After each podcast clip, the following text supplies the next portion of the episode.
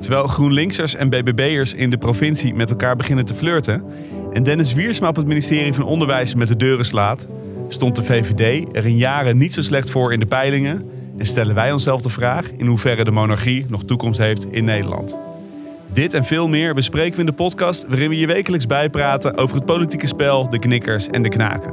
Want we zijn met elkaar rijker dan ooit, maar we komen ook overal tekort. Mijn naam is Sander Heijnen en welkom in de BV Nederland. Zo waarlijk helpen mij, God almachtig. Wat ben jij in hemelsnaam aan het doen? Wie denk je wel niet dat je bent? Je was een beetje dom. Je was een beetje dom. Ik vind dat hij een vrij ontspannen koningschap heeft. En in een chagrijnig land zorgt hij voor het goede humeur. Een heleboel mensen zijn heel blij met hun, zijn wij ook. Ze doen foute dingen, maar dat doen wij ook. Ik denk dat het meer een gezicht is van Nederland en dat, het, eh, dat ze echt zeg maar, nodig zijn. Ja, Hendrik Noten. Heb jij wel eens een onvoldoende gekregen voor gym? Sander Heijnen. Het, het staat me niet bij. Geen officiële onvoldoende Nee. in ieder geval. Nou, ik moet ik zeggen, ik was als 16-jarige was ik best wel fit.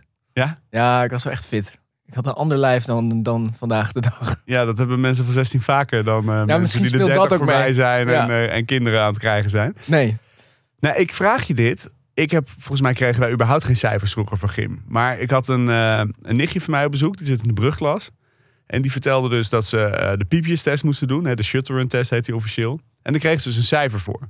Cijfer. Een cijfer. Dus afhankelijk van hoe ver je kwam in die piepjestest. Hè, dus dat, dan hoor je een piep, dan moet je naar de overkant rennen. En dan hoor je weer een piep, dan moet je weer naar de, terug rennen. En die piepjes gaan steeds sneller. Echt? Ook, heb je dat nooit gehad? Ja, nee, die test wel. Maar ik bedoel meer... Ja, dus dan afhankelijk van hoe ver je erin kwam, kon je dus eh, ja, van een onvoldoende tot een 10 halen. En toen, nou, zij had hem gelukkig gehaald. Maar toen vroeg ik dan, maar, maar kinderen die dan niet zo ver komen, hoe, hoe ging dat dan? Ze zei, ja, ja, die kregen onvoldoendes. Ik zei, maar heb, je dan? heb je dan kinderen, ook bijvoorbeeld in de klas, die, die een beetje overgewicht hebben, die een beetje te dik zijn?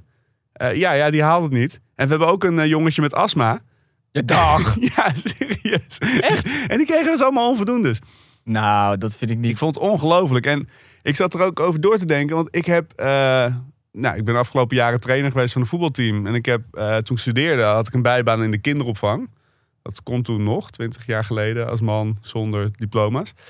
Ehm, Het is heel, ik zit helemaal verbijsterd te kijken. Dit ja, laatste dat, is dat echt weet je niet. Ja, jij, Nee. jij, jij, jij was toen nog eh, waarschijnlijk eh, kind in de opvang toen ik dat deed. Ja, waarschijnlijk. Misschien heb je mij nog in de luiers gehad. Nee, maar wat ik toen, wat ik toen merkte is, eh, en, en wat ik eigenlijk al die tijd heb gemerkt, als je een kind dat moeite heeft met bewegen, in beweging wilt krijgen, die moet je gewoon heel erg intrinsiek en positief motiveren. Dat is echt met stip de makkelijkste manier om zo'n kind aan het bewegen te krijgen. Maar als je dus dat bewegingsonderwijs, dat er toch op gericht is om juist kinderen die niet op sportclubjes zitten te helpen om, eh, om iets, eh, hè, om, om fysiek eh, aan de slag te gaan. Ja, als je die dan meteen in de brugklas, als ze Straffen. binnenkomen. Vernederen. Precies, dat is toch ongelooflijk. Ja, Ja, nou, ik, schande. Schande, ja. Weet je wie daar wel, volgens mij, wie dat ook een schande zou vinden als hij dat zou durven te zeggen? Nee, nee. Onze koning. Onze koning. Onze koning. Ja, Ja? dit is natuurlijk de week. eh, nou, eigenlijk denk ik dat vorige week de koningsspelen waren. Die wil eh, sporten bij kinderen eh, promoten. Dus dat is misschien een van de goede dingen van zijn koningschap. We gaan straks veel uitgebreider over de toekomst van de monarchie praten. Maar laten we eerst eens even de balans van de week op gaan maken. Ja, te beginnen denk ik met een nieuwe Tweede Kamerpeiling. Eh, die vlak voor het weekend eh, uitkwam. INO. Peter Kannen. Peter Kannen van INO, een van de grote eh, onderzoeksbureaus, peilingsbureaus in Nederland.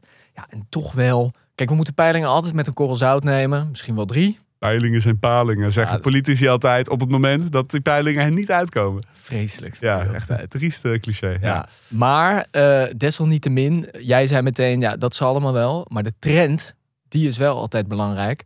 En in deze peiling zien we toch echt iets opvallends. Namelijk dat bijvoorbeeld de VVD lijkt in een duikvlucht naar beneden te zitten. Min 19 zetels. Min 19 zetels. Van eh, nu in de peiling, als er nu verkiezingen zouden zijn in die peiling, komen ze uit op nog maar 19 zetels. Ik zeg het verkeerd, ja. Min Ja. 15 zetels en ze komen dan op 19, Op 19. zetels uit. Ja. Ik kan mij niet herinneren dat de VVD op minder dan 20 zetels heeft gestaan in een peiling. Of ja, ik kan het me herinneren, maar dan gaan we een decennium terug. Meer, denk ik. Dus dat jij nog op school misschien wel. Ja. Ik wil zeggen, dan zijn ze bijna net zo groot als het CDA. Maar dat is niet waar. Want in diezelfde je peiling daar nou bij? gaan er bij het CDA nog weer acht zetels af.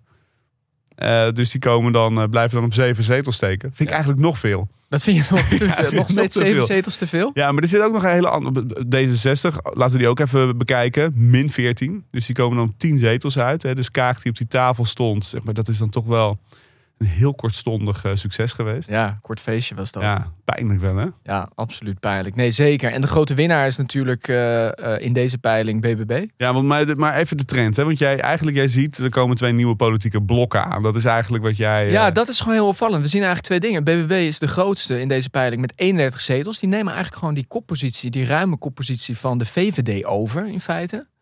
Die nemen die plek in. En daarnaast zie je dat het blok PvdA GroenLinks samen op 25 zit. Dat gat is eigenlijk helemaal niet meer zo groot.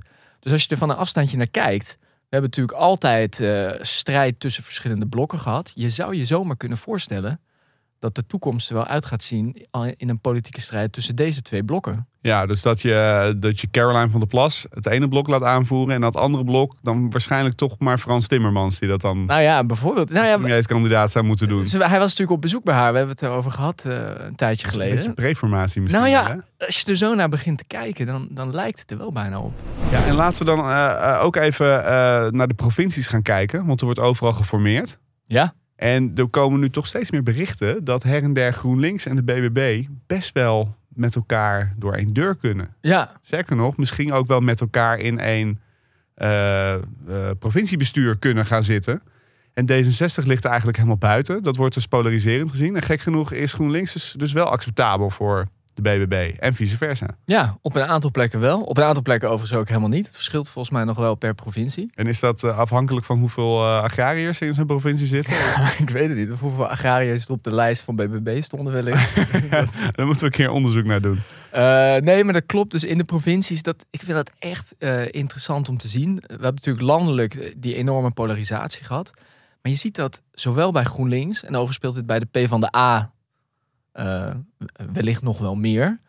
In een aantal meer provincies. Dat ze met BBB willen of Ja. niet met GroenLinks willen. Ja, nou, dat, dat is die- eigenlijk allebei gaan. Allebei tegelijkertijd. Dus dat die provinciebesturen, die kiezen daarin toch een beetje hun eigen lijn. Die zeggen, nou, met dat BBB kunnen we wel zaken doen.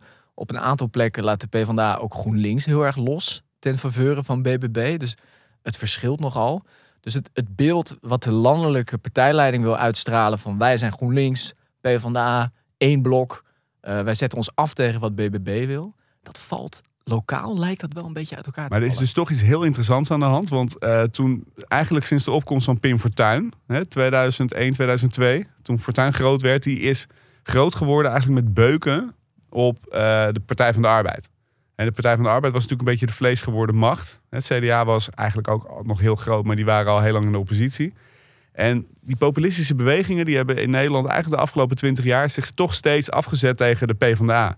En eigenlijk zie je, begin je dus nu te zien dat, dat de PvdA de rol kan innemen die de VVD eh, de afgelopen twintig jaar heeft ingenomen. Namelijk dat je met zo'n populistische beweging als BBB dus samen misschien wel iets kan gaan doen. En dan blijft mijn hoop, en dan blijft toch een beetje proberen de BBB te influencen.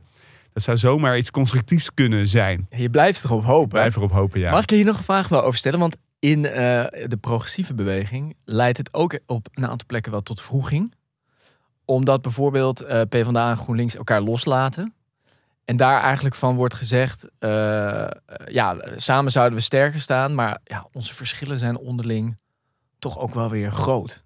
Tussen GroenLinks en PvdA. Ja, maar Dus dat dat, die nationale fusiegedachte, daar verzetten toch in een aantal provincies die besturen zich ook tegen. ja, maar dat is echt het verschil tussen of je in die partijen zit of er van een afstandje naar kijkt. Ik merk echt, ik ben best wel veel bij eh, eh, bijeenkomsten geweest de laatste tijd. Van, van alle politieke partijen overigens, maar ook van PvdA en GroenLinks. En dan valt het me op dat mensen binnen die partijen... die kunnen heel erg met een nagelknippertje... kunnen ze proberen ze dan die verschillen los te knippen. Van hier lijken we niet op elkaar. Maar als je er van een afstandje naar kijkt... Weet je, je bent het op een paar punten misschien oneens. Maar voor 90% of meer van de dingen ben je gewoon precies hetzelfde. Dus als je dat ook daadwerkelijk wilt bereiken... als je met je programma's iets wilt bereiken... dan zou je dus een machtsvorming moeten doen... Dus doe even niet zo moeilijk over die paar dingen waarin je niet op elkaar Ja, lijkt. eigenlijk gewoon een beetje flauwekul. Ik vind het echt dat onzin. opzoeken Ja, ik vind het echt onzin. Ja, en, en alle grote succesvolle politieke partijen uit het verleden, die hadden altijd vleugels, verschillende kampen. En dat is prima. Weet je, zo'n partij mag intern ook een eh, vat van debat zijn, graag zelfs. Dus ja, ik vind dat echt, eh, ik vind dat echt een cool argument. Ja.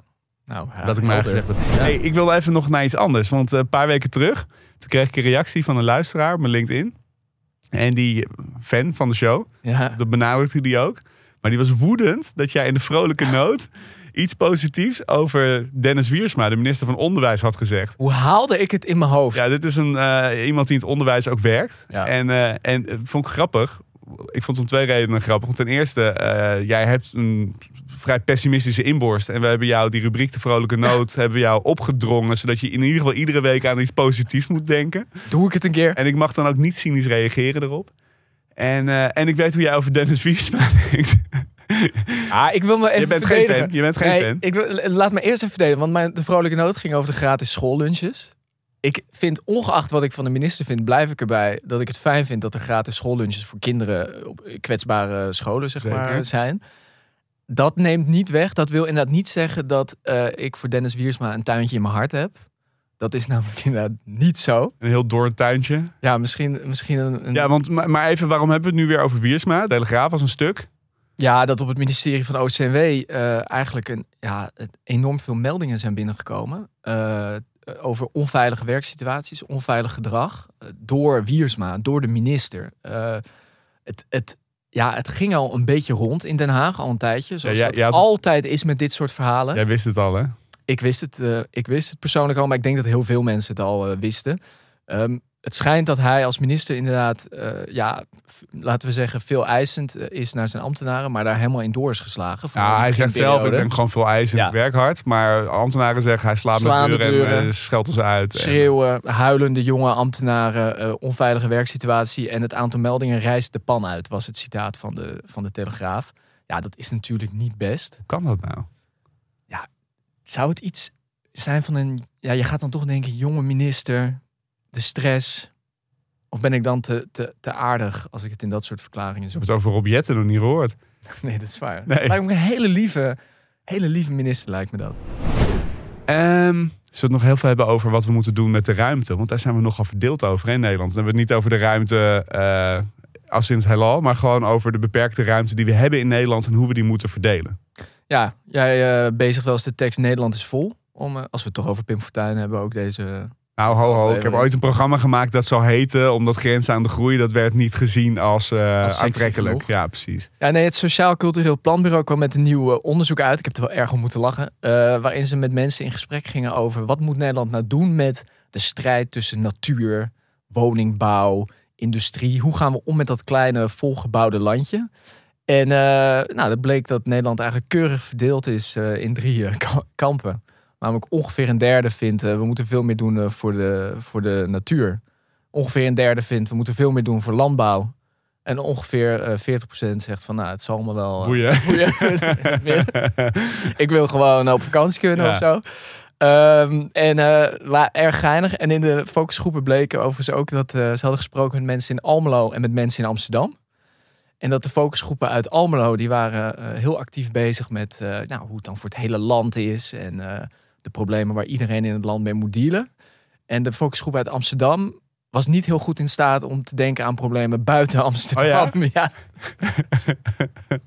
dat vertelde die onderzoeker in het interview. Er is een hele mooie podcast voor, voor mensen die zich daarin herkennen. En die heet Schaamteloos Randstedelijk. Ja, toch? precies. Daar moest ik heel erg aan denken. Dus, eh, maar even, het is natuurlijk eh, grappig en tegelijkertijd ook weer heel serieus. Want die strijd om de ruimte, dat is natuurlijk eigenlijk waar we middenin zitten op dit moment. En je ziet dat we daar als land inderdaad behoorlijk verdeeld in zijn. Ehm, en op de een of andere manier moet dat wel overbrugd gaan worden. Ja, en dat is natuurlijk, ik bedoel, dit is eigenlijk de essentie van het hele politieke debat op dit moment. Die hele stikstofcrisis gaat natuurlijk over de verdeling van ruimte. Vinden we dat al een soort van agrarisch industrieterrein moet worden? Of vinden we dat daar natuur, eh, dat de wolven moeten kunnen lopen? Eh, Die hele woningbouw, alles. Eigenlijk alles waar Nederland op vast zit. Asielzoekers eh, opvangen, noodopvanglocaties. Eigenlijk zit alles vast op die beperkte ruimte. Eh, dus ik denk dat het laatste over dit debat nog niet gezegd is. hey jongen, zullen we het eh, gaan hebben over eh, de koning? En de betekenis van de koning en de toekomst van het koningshuis. Ja, mooi, wat een prachtig onderwerp. Ja. Ja, goed hè? Ma- mag ik beginnen met een kleine luisterwaarschuwing voor onze luisteraars? Nou ja, als jij, als jij dat nodig acht. Ja, ik acht dat wel even nodig. Want wij, wij hebben het. Ik spreek jou niet alleen met de microfoon ervoor natuurlijk. Ik spreek er regelmatig. En vaak merk ik toch dat zodra wij het over het koningshuis hebben. Je bent een hele verbindende, gematigde jongen. maar zodra wij het over het koningshuis hebben, dan is het toch af en toe, dan, dan zie ik zo'n ader die begint zo te kloppen zo op jouw voorhoofd. En op de een of andere manier zijn we altijd binnen 30 seconden bij de nazi's. dus Ja, ik, ik, Prins ik ga Bernhard, proberen Prins jou... was lid van de SS, hè? Nou oké, we hebben het gezegd. Het is gezegd. Ik ga proberen jou in, to- in toom te houden als we het nu over de monarchie gaan hebben. ja. Ja. Maar volgens mij heel goed, want eh, ik vraag me af en toe wel eens af... hoe lang kan de monarchie eigenlijk nog mee? Ik denk dat het goed is om het daarover te hebben met elkaar. Ja, en een vraag die we proberen te beantwoorden is Nederland überhaupt een land waar een koning of een monarchie bij past? Want als we kijken naar hoe we aan die oranje zijn gekomen en we gaan er geen, we gaan er geen betrouwbare bronnen van maken per se in, eh, in lengte, maar we gaan toch even een klein stukje terug in de tijd. Willem van Oranje, eh 16e eeuw, de Nederlandse opstand tegen Spanje. Er waren zeven provincies die eigenlijk niet meer door het Spaanse, eh, onder de Spaanse troon wilden vallen. En die zijn in opstand gekomen. De leider van die opstandelingen, dat was Willem van Oranje. Ja, beetje bij toeval ook. Hè? Er waren een aantal meer, maar er werden er een aantal van onthoofd. En hij was eigenlijk de last man standing, volgens Ja, mij op een gegeven En moment. ook omdat hij nog de beste betrekkingen had tot relatief lang met het Spaanse koningshuis. Hè. Daarom zingen we in het volkslied nog steeds. De koning van Hispanje heb ik altijd geëerd. Ja, Dat heeft hij eh, ooit gezegd om eh, zijn hoofd eh, op zijn schouders te kunnen houden. ja. Ja, Dan zie je al een soort, een soort handigheid Ja, in ja, onze ja. royale voorouders. zeker. Eh, maar goed, eh, uiteindelijk, eh, nou, lang verhaal kort, 80 jaar oorlog, Nederland werd onafhankelijk. En op dat moment, het hele concept, Nederland werd een republiek. En de Precies. republiek der zeven verenigde provinciën. Dus we zijn eigenlijk onafhankelijk geworden als een van de eerste republieken ter wereld. Dat denk ik, hè? Mij was Venetië was ook een, een republiek, maar dat was meer een stadstaat. En daarvoor durf ik eigenlijk niet te zeggen of er andere republieken zijn geweest. Volgens mij ook niet. Waar is Piet Gerrit Kroeger als je hem nodig hebt? Maar echt een republiek van verenigde provinciën, zoals we dat in Nederland hadden. Dat was volgens mij heel uniek. En het interessante is dat ze toen ook eigenlijk dus niet het voorstellingsvermogen hadden van ja, hoe ziet een land eruit dat niet door een edelman op de een of andere manier, een of andere manier wordt gerund, wordt bestuurd. Precies. Dus toen zijn we naar die Oranjes gaan kijken. Nou ja, die hebben geholpen, hè, die, die adellijke familie uit eh, Duitsland. Toen al. Ja, Oranje Nassau. Jawel. Ehm, die hebben ons toen geholpen om. ehm, sorry. Ik, Nee, het, is- het is waar. Het is gewoon een feit. Ga ja, door. het is gewoon een feit. Ja. Ja, ja. Alhoewel Oranje lag in Frankrijk, maar eh, ja, ze hadden verschillende landerijen. Nee, die zijn toen aangesteld als een soort stadhouder. Of als een soort, als stadhouder. En dat was eigenlijk een, een functie. Dat had niet heel veel betekenis, wel. Nee, ik zit wel eens te denken. Zou je het kunnen vergelijken met een soort presidentiële functie nu? Nou, niet echt, want het was overerfelijk. Het was wel overerfelijk. Dus de Oranjes werden wel stadhouder. Maar, En ze waren ook wel vaak legeraanvoerders, hè, die prinsen van Oranje. ja, Maurits. eh, maar in het bestuur hadden ze eigenlijk een hele lichte taak. En stonden ze echt in dienst van die provinciale staten. Precies, Dus want- Van die republiek, van die provincies. Precies, dus we hadden de Staten-Generaal. Ja. Hè, Die hebben we overigens nog steeds, hè, de Tweede Kamer. Maar toen was de Staten-Generaal, er kwamen vertegenwoordigers van die provincies bijeen. En dat waren overigens niet per se door het volk gekozen vertegenwoordigers. Het was niet dat, eh, dat je toen eh, Caroline van der Plas eh, de partij groot kon maken bij verkiezingen in de provincies. Maar de regenten uit de steden en de landadel die wezen dan een aantal mensen aan. Die dan bij elkaar kwamen. En dan met elkaar een beetje de gemeenschappelijke belangen van Nederland eh, gingen bespreken. Ja, precies. Dus we hadden, en ik denk dat dat eigenlijk het essentiële punt is. We, we hebben dus, als je heel ver terugkijkt, hadden we dus echt die traditie van een republiek. En ook een beetje afkeer van het centrale gezag. Dus we hadden wel de Oranjes, die waren ook stadhouder. Maar daar, daar zaten hele ook anti-sentimenten bij, in feite, in die republiek. Die wilden niks hebben van zo'n centrale macht. En dat is dus leuk als je praat over, ik bedoel even los van dat hij op een heleboel andere punten heel erg is aangevallen toen Balkenende begon over de VOC-mentaliteit. De VOC is natuurlijk uit die tijd. En hij bedoelde met Nederland is groot geworden door, eh, door avonturen aan te gaan. Dus zoiets probeerde hij denk ik te zeggen. Vermoeden we. Vermoeden we, ja, los van alle ellende die de VOC heeft aangericht. Maar het interessante is, als je daar dus aan refereert, dan refereer je eigenlijk aan hoe Nederland groot is geworden als republiek. Ja. Zonder koning, zonder centraal gezag. Dus dus als, als samenwerkingsverband van min of meer vrije provincies die met elkaar de dingen regelden, die je eh, als provincie alleen niet kon regelen. Bijvoorbeeld je eigen veiligheid organiseren. Dat was iets wat we als republiek deden. Ja. Dat is ook een mooie analogie naar de Europese Unie nu overigens. Als Nederland zelf kunnen we onze veiligheid niet meer garanderen. Dus moet je dat binnen de EU en de NAVO eh, zien te organiseren. Ja. Ja. Maar dat terzijde. Ehm, dus, dus Balkenende die refereerde eigenlijk al aan die grootsheid van die republiek. Maar daar kwam in 1795 een einde aan. ja, en dan komt het toch weer. Zijn het weer die verdomde Fransen geweest? Dit, dit keer waren het de Fransen, ja. Belangrijk punt is het moment is natuurlijk eigenlijk de, de, de inval van de Fransen. Franse revolutie, ja, precies. Of de Franse revolutie. Eigenlijk de Franse revolutie. De Fransen hebben in 1789 hun koning afgezet. En een paar jaar later hebben ze hem ingekort. Hè, wat, eh, wat een eufemisme was van eh, hoofd eraf. Ja. Eh, en de Franse revolutie die ging zich verspreiden. En grappig genoeg is die Franse revolutie toen naar Nederland gekomen ook. Eh, in de vorm van het Franse revolutionaire leger dat eh, de stadhouder afzette. En die vluchtte naar Engeland. En ze hebben de macht in Nederland overgenomen, geholpen door... het is leuk in de geschiedenisboekjes lees je dan over de patriotten.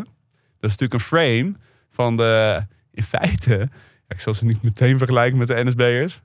Maar in feite waren dat de, de, de Nederlanders die de Fransen uitnodigden van kom bij ons, dan gaan we de macht grijpen. En niet zo heel lang daarna heeft toen Napoleon in Frankrijk weer de macht overnam en zichzelf tot keizer liet kronen van Frankrijk, heeft hij zijn broer koning van Nederland gemaakt. Ja, en die heeft een aantal jaren in Nederland, is die koning van eh, het noordelijke departement geweest. Koning van Nederland werd echt een vazalstaat van, eh, van Frankrijk. Eh, was vrij populair overigens. En dat is eigenlijk de eerste koning die we dus in Nederland op de troon, eh, op de troon krijgen. Ja, en er zit ook een leuk dingetje bij. Ik zat naar dat eh, staatsbezoek hè, van Macron te kijken, waar we het een paar weken geleden over hadden.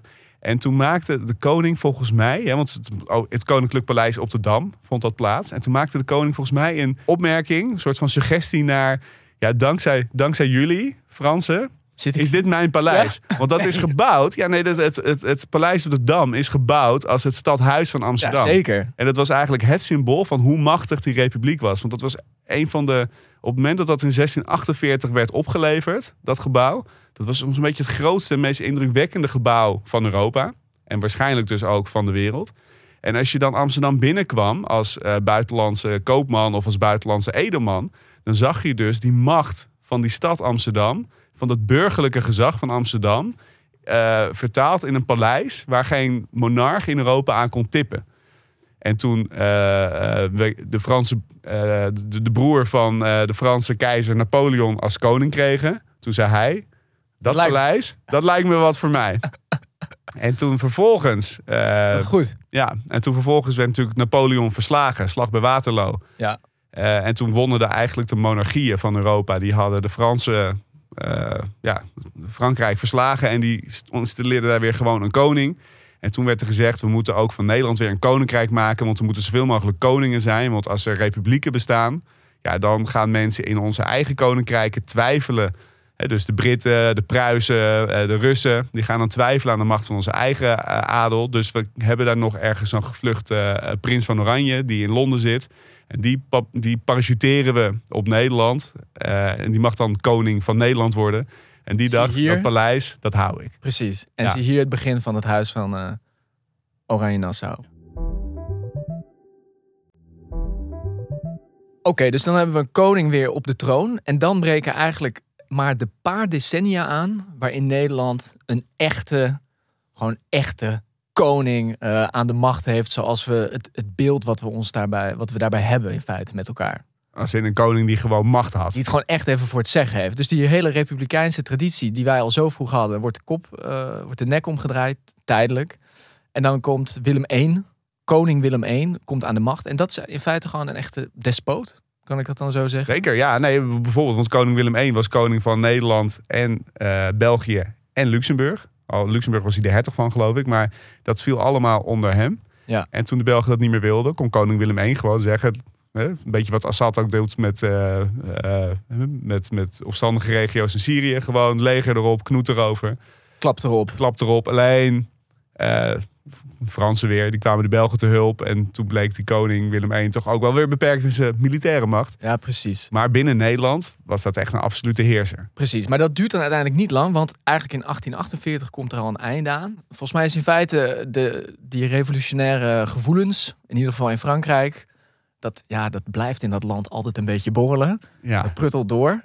Die is dus in, in is er 1848 is er weer een revolutie in Frankrijk. Precies. De koning vlucht weer. En in Amsterdam Ja. en in Den Haag en in andere steden in Nederland waren ook opstanden en rellen. Omdat er wa- was een hongersnood. eh, er was veel armoede. Er waren heel veel werkloze jonge mannen. Dus dat is ook altijd een, eh, Dan moet je gaan opletten. een recept voor, eh, voor ellende als je de macht bent.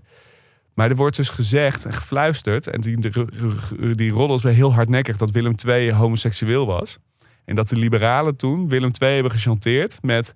eh, als jij niet deze grondwet die wij nu eh, willen laten schrijven... als je dat niet ondertekent... en die grondwet legt dus de macht van de Oranjes heel erg aan banden... Dat maakte, ze, maakte weer een constitutionele monarchie ervan. Dus het primaat kwam weer in de politiek te liggen en niet bij het Koningshuis. Als je er niet ondertekent, ja, dan gaan we je outen als eh Gaan we homoseksueel. je outen. Het waren er vroeg bij. Ja, dat was eh, dus, dus eigenlijk zijn wij door, waarschijnlijk zijn wij dus door chantage van het Koningshuis, hè, dus niet het Koningshuis het ons chanteerde, maar andersom, hebben wij eh, onze democratie eh, gekregen. Ja, want Willem II koos eigen voor zijn geld. En die zei, prima, ik, ik onderteken die grondwet. En vanaf dat moment, 1848, en daarna komt nog kiesrecht, et cetera. Maar voor de, voor de monarchie, vanaf 1848 krijgen die die meer, ja, al iets meer ceremoniële functies, zoals we dat vandaag de dag nog kennen. In feite kun je zeggen dat zeker na de Tweede Wereldoorlog, eigenlijk, ja, die, die monarchen van ons, ja, die hebben niet zo'n hele belangrijke rol. Ze deden nog iets bij de formatie. Prins Bernhard die mocht een tijdje een uniform dragen en die had de functie van generaal-inspecteur. Eh, maar dat is ook de periode dat de affaires begonnen. Hè? Dat de publieke mediacultuur steeds belangrijker wordt. Als we dan nu de stap naar de monarchie vandaag de dag maken, is dat niet ook de parallel van, van de squeeze waar onze monarchie in zit? En misschien ook eh, waar we als samenleving, als we het hebben, ja, wat moeten we nog met die monarchie? Dat aan de ene kant zien we heus wel die, die verbindende eh, factor. Hè? Die rol kan een, een monarch spelen. Maar aan de andere kant zijn het gewoon geprivilegeerde mensen met ongelooflijk veel vermogen die gekke dingen doen. Dus als de koning een toespraak geeft op het moment dat er een nationale ramp is, vinden we het mooi. Maar als hij naar Griekenland vertrekt tijdens corona, of Terwijl wij allemaal niet mogen reizen vanwege lockdownmaatregelen. dan eh, gaan we natuurlijk met elkaar helemaal door het dak. En wat er de hele tijd onder zit, dat zag je nu ook weer met het tien jaar koningschap, is dat hij de hele tijd wordt afgemeten aan hoe populair ben je nog. En tussen die twee dingen, dat, daar zit de hele tijd de spanning tussen. Maar volgens dat mij. is toch ook het enige wat hij nog is. Ik bedoel, eh, in 2012, na 2012, de laatste formatie die eh, onder koningin Beatrix plaatsvond. Ja. Eh, daarna is de koning is uit eh, de formatie gehaald. Dus de Tweede Kamer doet het zelf. Dus hij heeft geen rol meer bij de formatie. Heeft geen politieke betekenis meer. Eigenlijk, hij heeft nog, nog, volgens mij heeft hij nog drie taken, de koning. Namelijk de troonrede voorlezen. Nou, daar is hij niet zo goed in. Nee, dat klopt. Moet ik ook wel zeggen, het is een moeilijke tekst om voor te lezen. Ja. de premier zou ook wel zijn best kunnen doen om het iets soepeler op te schrijven. Vind ik ook. Ja. Eh, dan de tweede is staatsbanketten organiseren. Ja, het nationaal of een symbool naar buiten toe, het, landelijk symbool. Ja, En zijn derde formele taak is het ondertekenen van wetten waar hij niks over mag vinden, waar hij niks aan mag veranderen, maar moet wel iedere keer zijn handtekening onder zetten. ja. Het is een beetje een lullig baantje. Nou ja, op, op die manier is het een lullig baantje, ja. Dat klopt. Eh, maar we hebben het dus eigenlijk al, dat vinden we eigenlijk al 200 jaar, 300 jaar fijn. We hebben al, die republiek wilde al dat die stadhouder in feite een lullig baantje was. Ja, die mocht dan nog eens een keer een leger aanvoeren. Dat kan op zich natuurlijk wel cool zijn. Maar volgens mij willen we dus een koning die niet te veel doet, niet te veel mag, eh, ook niet te veel gekke dingen mag doen, maar die wel heel populair moet zijn. En, en dat vind ik ook een vorm van sadisme. We geven die man en zijn familie ieder jaar heel veel publiek geld. Ja, zeker. Maar iedere keer als ze daar iets mee gaan doen. Dus hij koopt een eh, speedboot of hij eh, Ja. koopt een villaatje. Wat, wat doe je als je rijk bent en je hebt veel tijd? Koop je villa's in Afrika of dan... Dan gaan we iedere keer gaan we heel erg lopen bitchen. Dan worden we boos. Ja, dat is toch, is toch ergens. Is dat, is, ik vind het de beste vorm van sadisme. Ja, nee, zeker. Maar dus, want dan wordt er ook nog gezegd. eh nou, maar de koning, je had het over die staatsbanket. Van ja, de koning, dat is heel fijn voor bijvoorbeeld die zakenreizen. Hè, het is goed voor de BV Nederland. Ik vind dat dus de meest Nederlandse reactie ooit die je kan hebben hierop. Van ja, democratie is belangrijk, rechtsstaat is belangrijk. Maar weet je wat, we maken daar een uitzondering op. Want het helpt ons wel om shit te verkopen in het, buiten, in het buitenland. Nou ja, dat. Dus dat is een manier hoe je ernaar kan kijken. Maar ik denk nog een belangrijkere manier om ernaar te kijken. Want dit is eigenlijk de legitimatie hè, ervan. Van ja, we moeten die koning hebben, want eh, eh, hij kan eh, als een soort van handelsattaché kan hij, contracten verkopen. Kijk, ik denk dat het gewoon helemaal niet waar is. Ik denk dat jij gelooft dat niet. Ik geloof er echt helemaal geen reet van. Ehm, zeg ik ook als ondernemer en als consument. Je koopt iets omdat het goed is. Weet je, ASML kan over de hele wereld zijn shit verkopen. Omdat het gewoon... Er is niemand anders die zulke goede chipmachines kan maken als ASML. Duitsland heeft geen koning. Maar die Duitse auto-industrie... Ja, die maken gewoon de beste en de meest aantrekkelijke auto's. Dus als BMW de wereld rondgaat... die verkopen ook overal die auto's. En... ehm, ja, ik weet niet of jij enig idee hebt wie de koning van Noorwegen is. Nee. Of hoe de koning van Spanje eruit ziet. Of eh, de koning van Thailand. Je die herkennen als hij door je straat komt fietsen? Nee, nee, Nee, natuurlijk niet. natuurlijk niet. Dus uiteindelijk, zo'n handelsmissie. Het is handig als er iemand namens een land meekomt. Maar het gaat natuurlijk vooral om: kan jij goede producten bouwen? Kan jij goede diensten leveren? En eh, de Britten hebben een fantastisch, eh, fantastisch bekend koningshuis. Hè, ik bedoel, het is een van de koningshuizen waarvan de mensen wel over de hele wereld herkend worden. Maar de Britse industrie die is toch helemaal op zijn gat gepleurd. Gewoon omdat ze inferieure producten hebben gemaakt heel lang. Ja. En uiteindelijk is dat dus dat is het argument wat ze dan graag gebruiken om die, het instituut te rechtvaardigen dat het een rol heeft. Maar het is natuurlijk gewoon onzin. Maar hoe gaat dit dan aflopen op de lange termijn? Volgens mij, om te proberen een beetje conclusie te trekken. Want we hebben die koning, we eigenlijk van oudsher willen we helemaal niet dat hij een echte koning is. Nee, Tegelijkertijd vinden we wel dat hij populair moet zijn. Ja. En mag niet echt laten zien, ik ben hier de koning in dit precies. land. De, de Lodewijk XIV, de Dus een zonnekoning, was koning- gewoon heel duidelijk. Die, in alles wat hij deed wilde hij uitschalen. Ik ben de rijkste man van dit land. Ja, Dat mag onze koning mag dat niet, nee. nee. Die mag zelfs niet meer in zijn gouden koetsje rijden. Nou, dat heeft ook andere reden. Maar Maar, maar is dat dan nog houdbaar voor de lange termijn? Want hoe kan je nou en populair zijn, maar ook wel een koning moeten zijn? En, en gaan we je alleen daarop afrekenen? Nou ja, en dus om populair te blijven, gaat hij dus nu allemaal gekke dingen doen.